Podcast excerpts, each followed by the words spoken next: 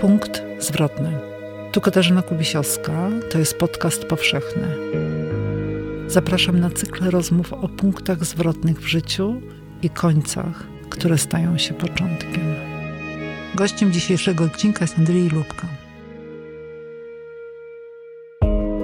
Okazało się jednak, że wojna to jest taka cecha ludzka, natury ludzkiej i że kiedy się zaczyna wojna, to jest e, to obniżanie e, do poziomu najprostszego, do życia jako byt biologiczny, czyli ta cała nadbudowa, cywilizacja, humanistyka i tak dalej po prostu znika.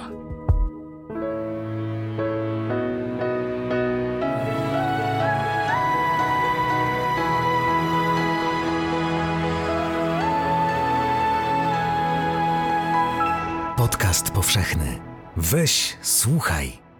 Dziękujemy patronkom i patronom za wsparcie. Dołącz do grona dobroczyńców podcastu Tygodnika Powszechnego w serwisie Patronite.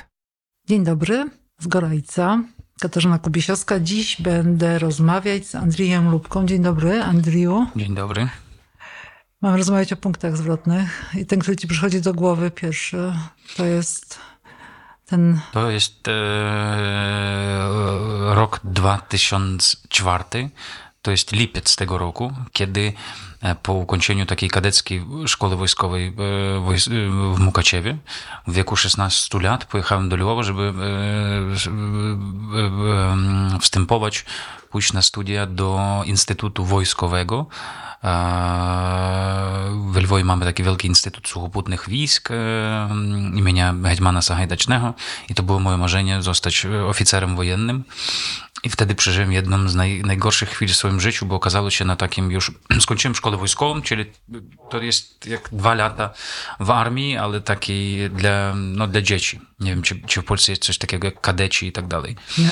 Więc mieszkałem w tych um, kasarnach i nosiłem formę wojskową i tak dalej i marzyłem być, zostać oficerem, ale wtedy w lipcu czwartego roku w Lwowie po, po przechodzeniu takiego e, głębszego oglądu medycznego okazało się, że mam e, urodzoną wadę serca, o której nie znałem. I, mhm. I powiedzieli mi, że wojskowym nie będę. I to dla mnie był koniec świata. E, absolutna tragedia, jak, jaką można wymyślić, bo nie, nie wiedziałem w ogóle, co robić swoim życiem. A jeszcze problem polegał na tym, że E, to już był lipiec, czyli koniec e, możliwości aplikowania na inne studia. I co ja zrobiłem, to pojechałem do, mm, z Lwowa do Użgorodu. Mm, w nocy myślałem, gdzie mam podać te dokumenty. Ja się gotowałem kompletnie do czego innego. I jedyne E, na co nadawałem się, uważałem, że to może być filologia ukraińska, dlatego że mm, jeśli wtedy, to 2004 rok, dostać się na studia w Ukrainie bez pieniędzy, czyli bez lapówki e, jakiejś takiej większej, której ja nie miałem i, i, i moja rodzina też, nie, nie było. I pomyślałem, że to jest jedyny kierunek, na który się mogę dostać i dostać te um, zamówienie państwowe, czyli że państwo płaci. I tak się stało. Myślałem, że to jest największa tragedia. Jak się okazało, to była bardzo dobra e, rzecz i to życie mi po prostu zrobiło coś fajnego. Aha, no ale ta filologia ukraińska nie podobała ci się? To nie były dobre ja, studia? Ja, nie, nie, ja chciałem być dziennikarzem, e, nie, e, i, ale na dziennikarstwo dostać się było niemożliwe. Bez łapówki? Bez łapówki, tak. Mhm. W, w ogóle to ja bym może brał coś takiego e, e, więcej w stronę, nie wiem, dyplomacji, czegoś takiego. Zawsze mm. interesowałem się historią, polityką i tak dalej, ale to było po prostu nie do pomyślenia. W ogóle nie było o czym mówi się. Ja myślałem, że, że pójdę na te studia zaoczne w ogóle i będę gdzieś pracował w swoim małym mieście, i, ale okazało się, że jakoś tak trafiłem. Mhm. I to był, była bardzo fajna taka, nie wiem, fajne wydarzenie w moim życiu, y, nie, nie patrząc nawet na to, że sam uniwersytet nie jest najlepszy, mhm. jak to potem już dowiedziałem się, ale to, że trafiłem z małego miasta, jednak, że nie poszedłem na studia zaoczne, a byłem w większym mieście, e, byłem w jakimś środowisku twórczym, chodziłem do teatru, spotykałem żywych poetów i tak dalej, to sprawiło to, że po prostu w tym kluczowym momencie się nie, nie, nie, zgubiłem, nie zgubiłem gdzieś. Mm, jakich żywych poetów spotykałeś? No tych poetów zakarpackich, oni są wciąż żywi, nie, nie wszyscy co prawda. Mm, takich trochę na Zakarpaciu poeci są trochę takie klasy, klasycystycznie, romantycznie, piszą jakieś wiersze z rymami i tak dalej. Potem bardzo szybko rozerwaliśmy z nimi mm, jak, jakieś takie kontakty, ale jednak to, że ja widziałem, że istnieje możliwość e, e, bycia pisarzem, e, nie wiem, intelektualistą i tak dalej, bo do tego w moim życiu takiego przykładu nie było. Nigdy nie myślałem, że, że, coś, że coś takiego jest w rzeczywistości, na przykład e, w Ukrainie. Mhm. E, więc to był taki fajny, fajny moment. E, Jeszcze sobie przypominam, bo kiedy, kiedy myślę o jakichś naprawdę punktach zwrotnych, co bardzo zmieniło, to zawsze, zawsze chcę napisać jakiś taki dłuższy esej o tym, bo ja chodziłem na piłkę nożną mhm. i rok 1999 jest bardzo ważny z dwóch powodów. Wtedy pierwszy, po raz pierwszy uczyłem się Ukraińcem, to był mecz piłki nożnej pomiędzy Ukrainą a Rosją. Wtedy po raz pierwszy poczułeś się Ukraińcem? Ukraińcem, tak. Poczułem, Aha. że ja, ja, jestem Ukraińcem i że mnie to boli, że jestem na, patriotycznie nastawiony. I to było podczas meczu pi, piłki nożnej, to była e, gra towarzyska pomiędzy Ukrainą a Rosją mhm. i na koniec tej gry my przegrywaliśmy 1 do 0. I na 89 minucie, proszę Państwa, jeżeli chcecie, to może, możecie ten przepiękny moment obejrzeć. Jest na YouTubie, to jest taki gol stulecia.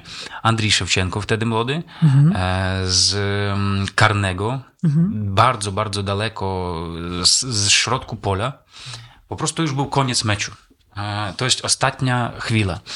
I e, goalkeeper rosyjski już się na tyle po prostu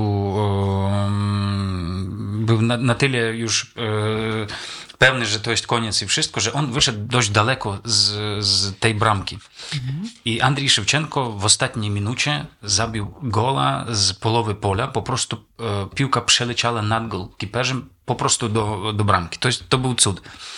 Ale ja pamiętam po prostu, dlaczego to jest, to jest dziwne, bo no, nie, moja rodzina na przykład e, nie, nie jest jakby to powiedzieć, jest taka zwykła, nie jest patriotyczna na przykład, tak? To mhm. nigdy jakichś tematów takich nie, nie, nie podejmowano u mnie w domu.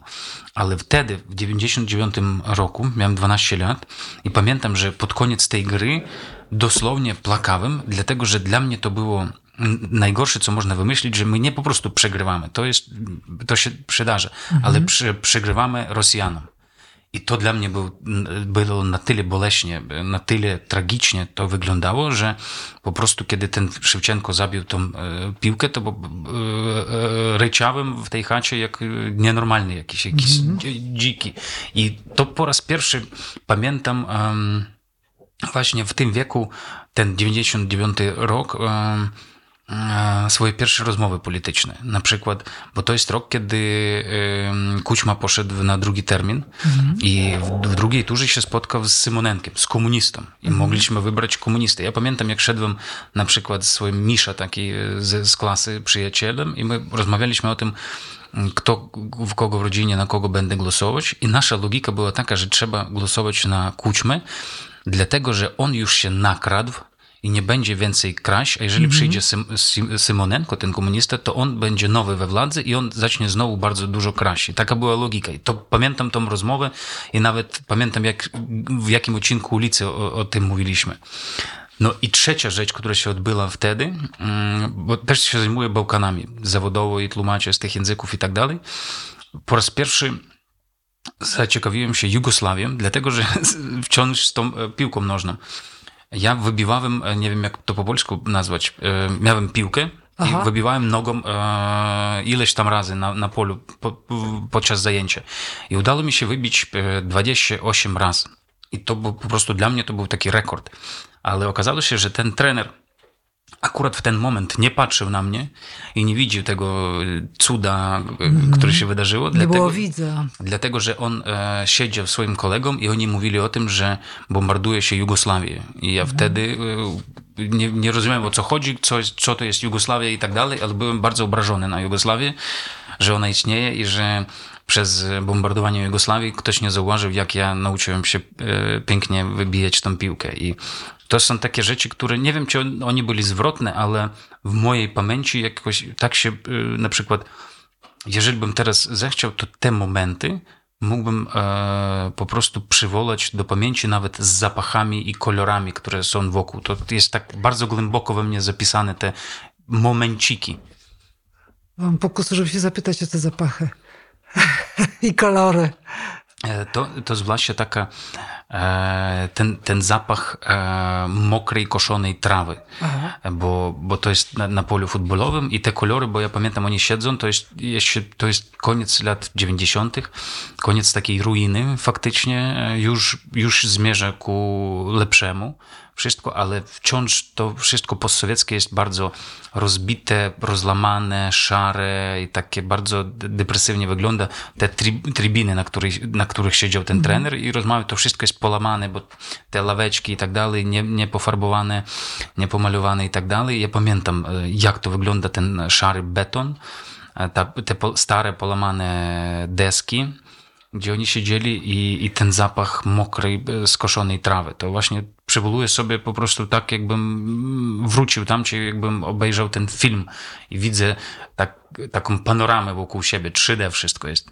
Czyli masz 12 lat, po raz pierwszy tak bardzo świadomie odczuwasz to, że jesteś Ukraińcem. Zastanawiam się, kiedy później, to jeszcze jest XX, XX wiek, w XXI wieku, kiedy wraca do ciebie, nasila się ta świadomość, że jesteś to już. To już, to już się, to już się zaczęło Mówię, to dość dziwne, bo ja jestem z takiej bardzo prostej e, rodziny, za, za, zakorzenionej, takie życie codzienne, różne potrzeby, niepolitycznej, niepatriotycznej, nieinteligentnej, no po prostu takie zwykli ludzi. Mm, I e, ja sobie też e, zadawałem to pytanie, skąd na przykład wzięła się moja postawa, nie wiem, polityczna?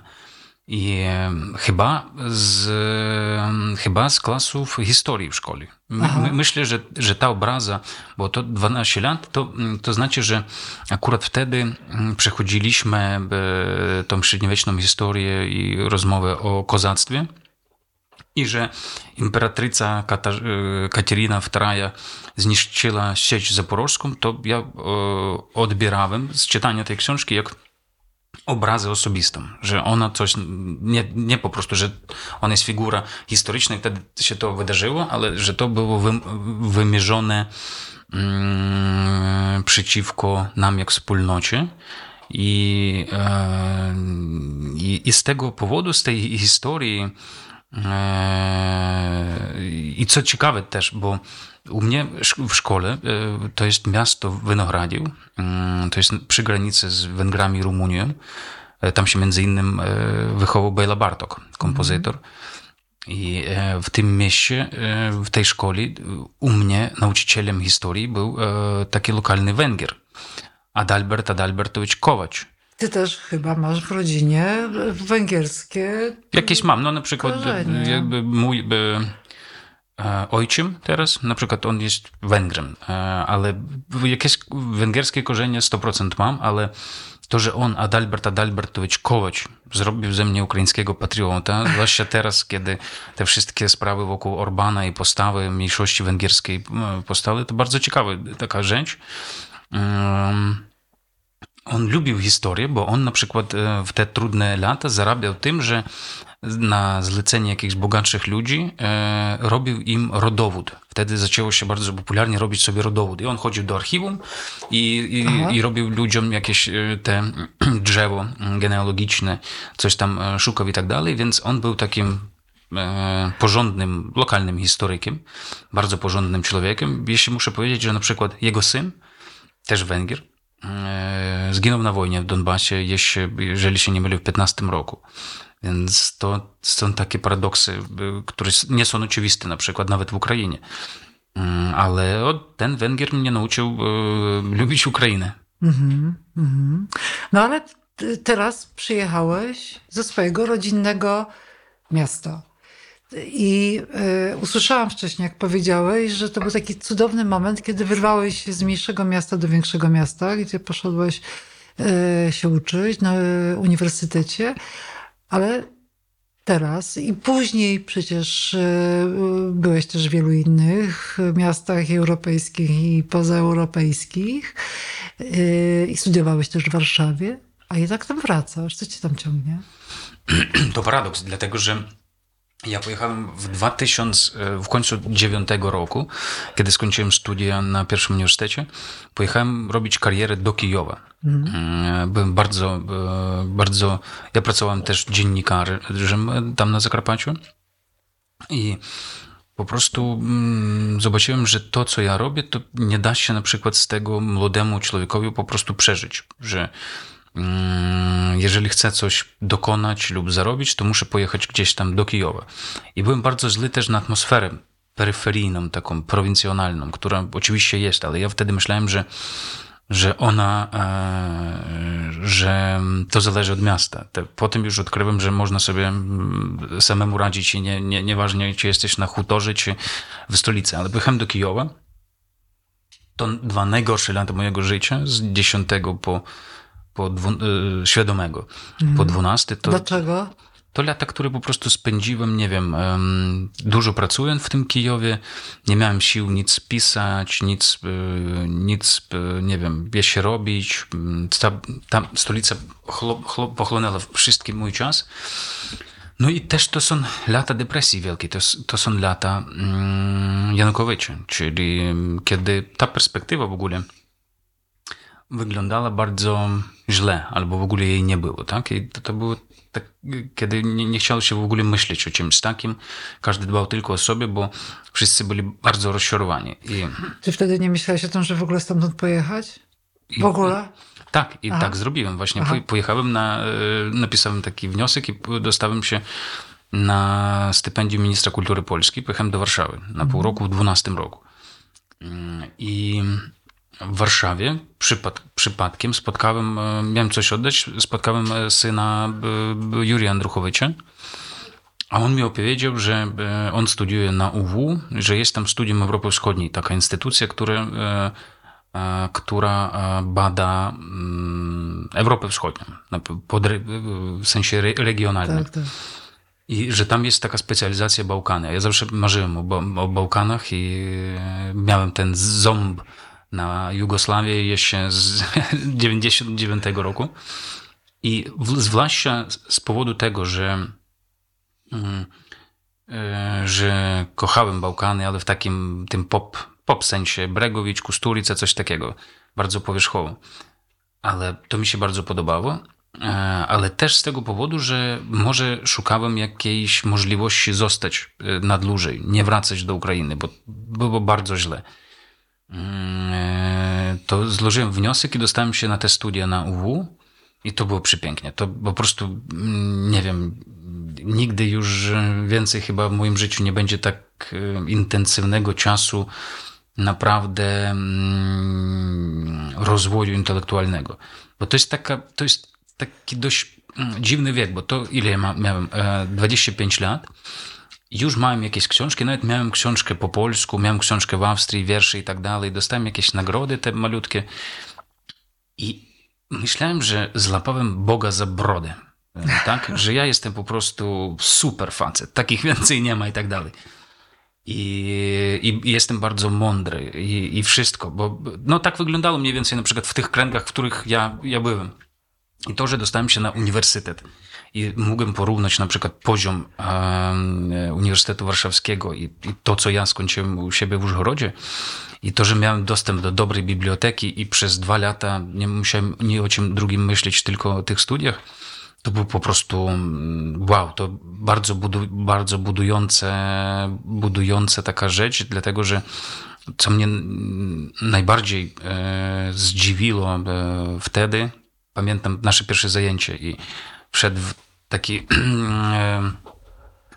Malicki, to dyrektor tego studium, on wszedł i było nas na sali 50. To jest pierwszy rok tych studiów, to są studia magisterskie. I, i część ludzi wstała. I to byli ludzie, którzy byli ze Związku Radzieckiego, tak? Bo u nas jest tak, nie wiem, może teraz nie, ale kiedy ja studiowałem, że kiedy wchodzi wykładowca, to wy wstajecie. Powiedział, po co wstajecie? I tak dalej. I to była ta zmiana, bo na przykład u nas to jednak to była wertykala taka, że jest uniwersytet, jest wykładowca, on mówi.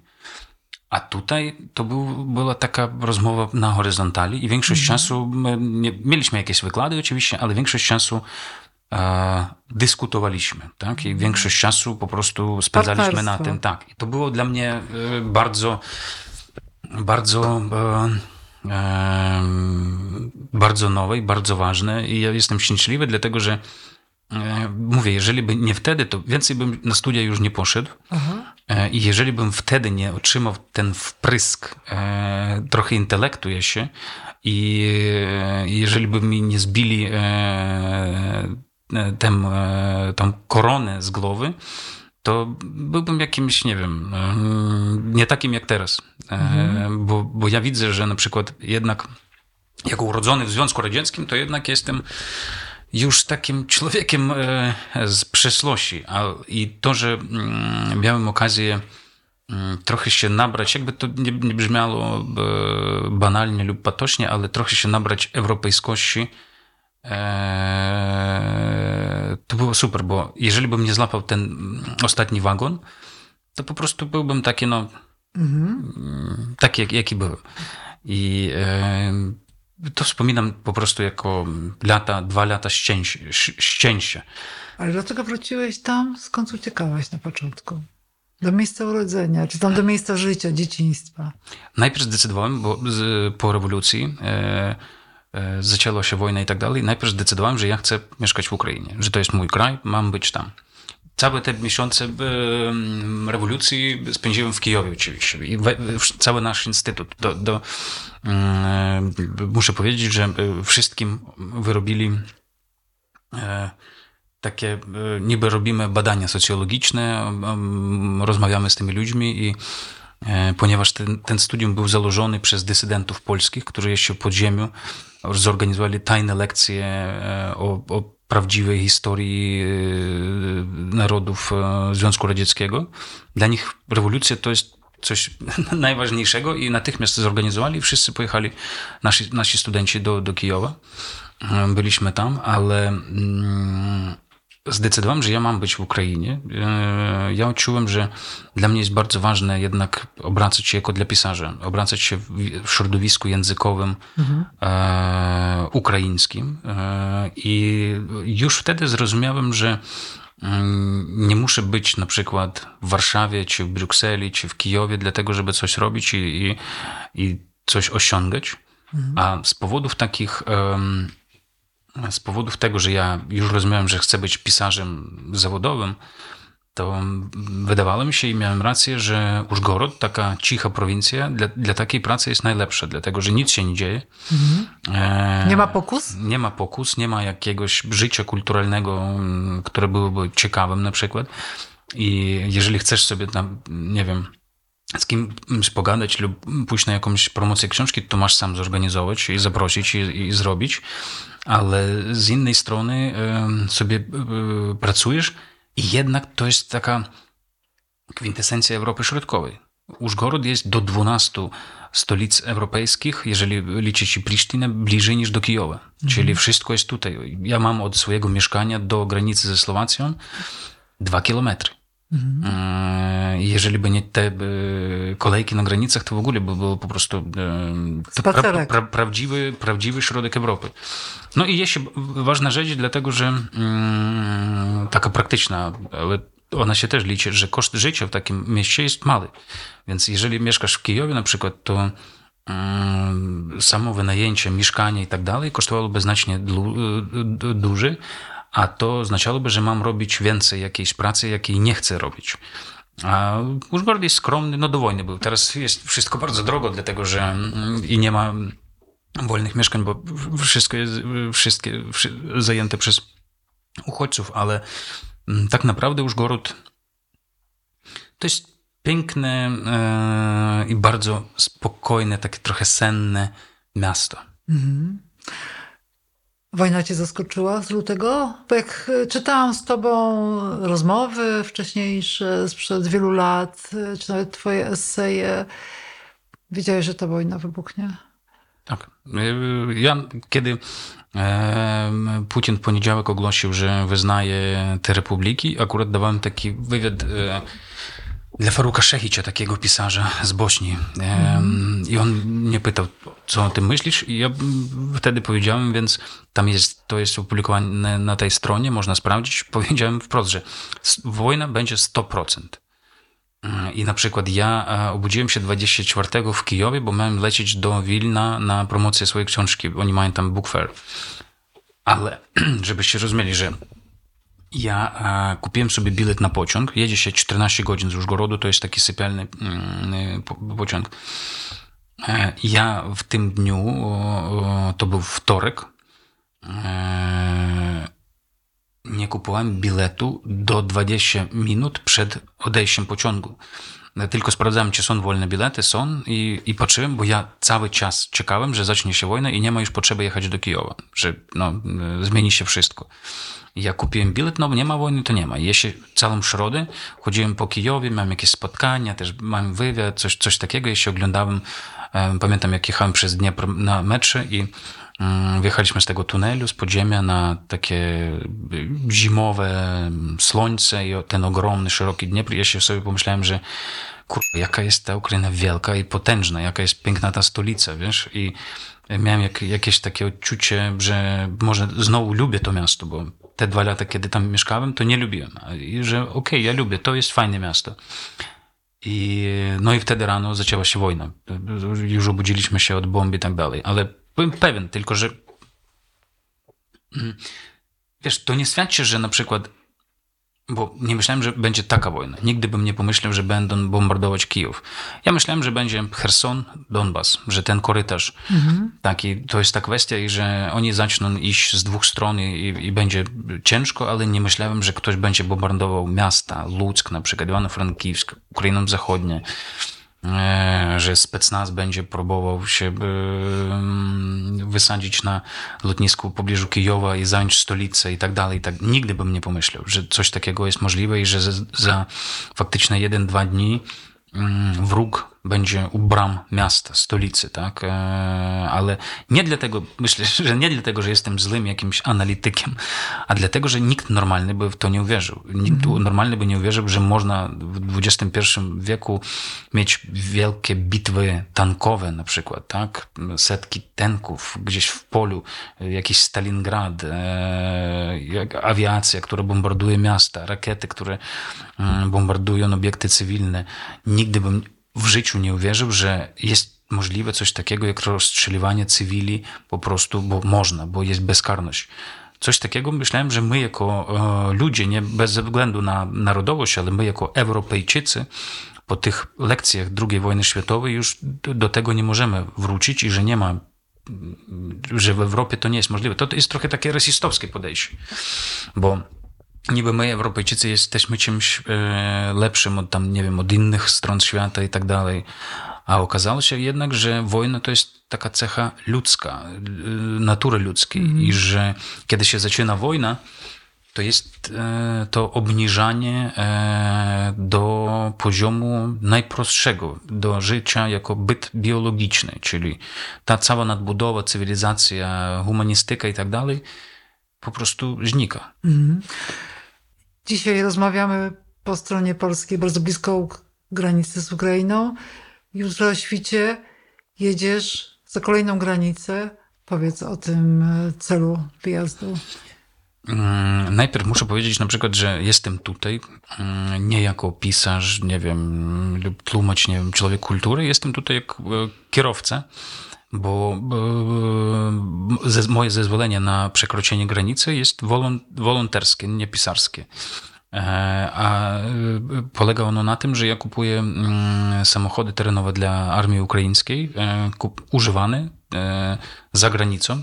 Czyli moja działalność teraz pisarska polega na tym, że ja zbieram pieniądze jako osoba publiczna E, I mm, mam taki zespół ludzi, e, komandy, grupy ludzi, e, też, którzy, którzy mi pomagają, którzy szukają te samochody, kupują, przewożą do granicy. Zwłaszcza ja już ich sprawdzam po stronie słowackiej, w pobliżu Użgorodu i potem my ich wozimy już na mhm. Ukrainę. I to teraz mi przywiozą samochody z Anglii. By the way, Słowac, Słowacy cygan, Cyganowie. Taki pan Franciszek, bardzo, bardzo piękny pan, bo mm, mówię cygan, dlatego że on mm -hmm. nie lubi, kiedy go nazywają Romi. On mówi, Romowie to mm -hmm. ci, którzy dostają pensję za to, za to, że są Romowie, a ja jestem prawdziwy, normalny cygan.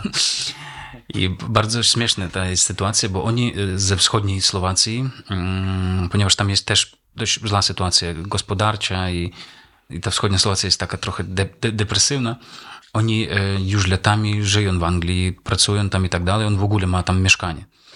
I to te cyganie słowaccy tam szukają mi w Anglii samochody i potem przywożą jako mhm. kierowcy tutaj. Zarabiają na tym. To jest w porządku. Ale bardzo, bardzo nam w tym pomagają, bo jeżeli byśmy my musieli jeździć 100 razy do Anglii, to po prostu można zwariować. A e, tak, mamy swoich ludzi na miejscu i e, oni mają ten biznes. E, jutro mam odebrać te samochody. Mhm. E, więc e, na razie kupiłem 77 e, jeepów, a teraz to będzie 80. Kiedy ich zabiorę i zawiążę, to będzie już 80, a mam plan do końca roku kupić setkę. Od początku wojny, tej wojny, od lutego nie napisałeś słowa jako pisarz, poeta, eseista? Coś napisałem w początku marca. Napisałem dwa takie krótkie teksty, coś w rodzaju esejów na, na zamówienie, bo wtedy, kiedy ja się szukałem, czym, gdzie się przytknąć i co robić, gdzie moje miejsce w tej wojnie.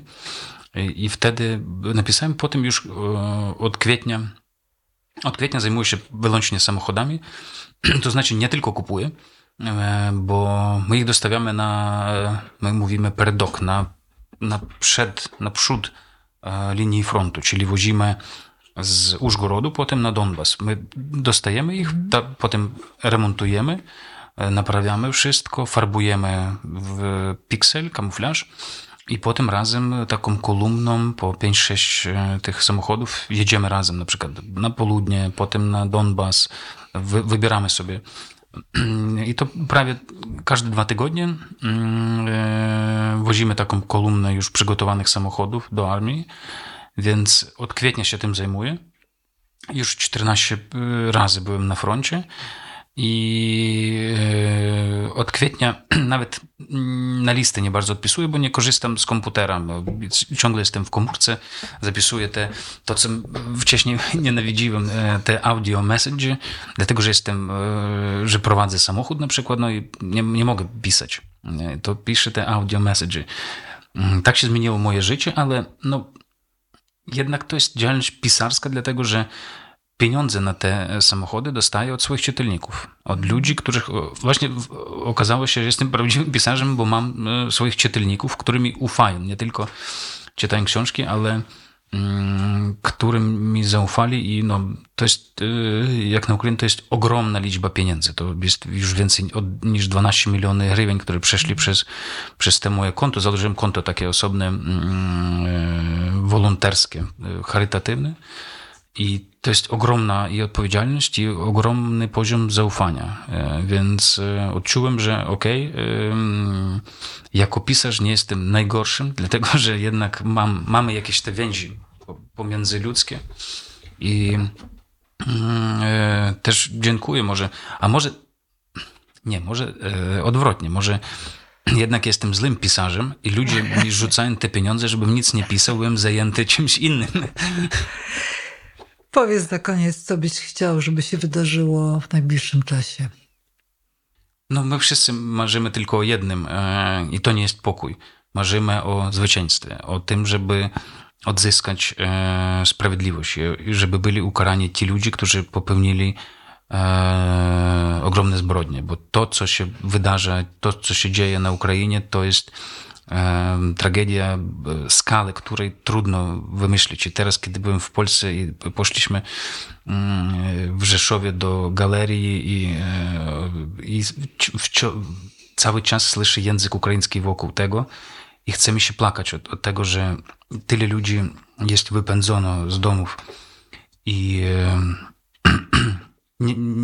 my nie chcemy pokoju nie chcemy, e, żeby na przykład ta wojna przestała, coś było okupowane, nieokupowane. To już, już koniec i ktoś musi wygrać, więc chcemy zwycięstwa. Mówiłeś wcześniej, że kilka lat temu, że byłeś pewny, że wojna wybuchnie. Jesteś teraz pewny, że Ukraina zwycięży? Jestem. Myślę, że Ukraina już zwyciężyła, bo, bo po pięciu dniach tej wojny już było wiadomo, że nie udało się i nie będę takiej. Tyle, że problem polega na tym, jaką cenę jeszcze zapłacimy za to, żeby ktoś sobie dalej sprawdzał e, głupość swoich planów e, i swojego poglądu na świat. Ludzie ciągle umierają i to są mm, jakby to nie, to nie są wojskowi, bo przecież teraz większość armii ukraińskiej to są ludzie, którzy byli absolutnymi cywilami, którzy poszli ochotnikami lub e, lub byli mobilizowani i ja widzę, no, mój Facebook się przetworzył na taką ogromną listę nekrologów. Cały czas ktoś umiera ludzi, których znam. Ludzi, którzy w ogóle nie mieli nic, byli, można powiedzieć, pacyfistami. I ja kiedy widzę po prostu e, e, matek, które żegnają swoich e, synów, kiedy widzę na przykład e, bardzo młoda kobieta, która została młodą wdową, to jest po prostu nie do wyobrażenia. Ciągle mam wrażenie, że to jest po prostu jest jakiś sen, bo nie mogę uwierzyć, że coś takiego może się odbyć tutaj, w naszym życiu i że to nie może, i że nie ma temu końca. I ta cena jest straszna. Ale mm, już chyba wszyscy, wszyscy, wszyscy mamy przekonanie, że wygramy. Nie ma, nie ma strachu, że stracimy państwo, że będzie tu Rosja. Nie ma, takiego w ogóle nie ma. Jest po prostu zrozumienie tego, że kiedy mm, przyjdzie pora świętować na przykład e, te, tu перемогу, to zwycięstwo ukraińskie, to za stołem nie będzie bardzo dużo osób. I będą te puste szklanki nakryte e, chlebem czarnym, jak, jak, jak to się robi. I Mm, tego nie, tych, tych żyć nie, już nie, nie, nie powrócić z powrotem. To jest, to jest najgorsze.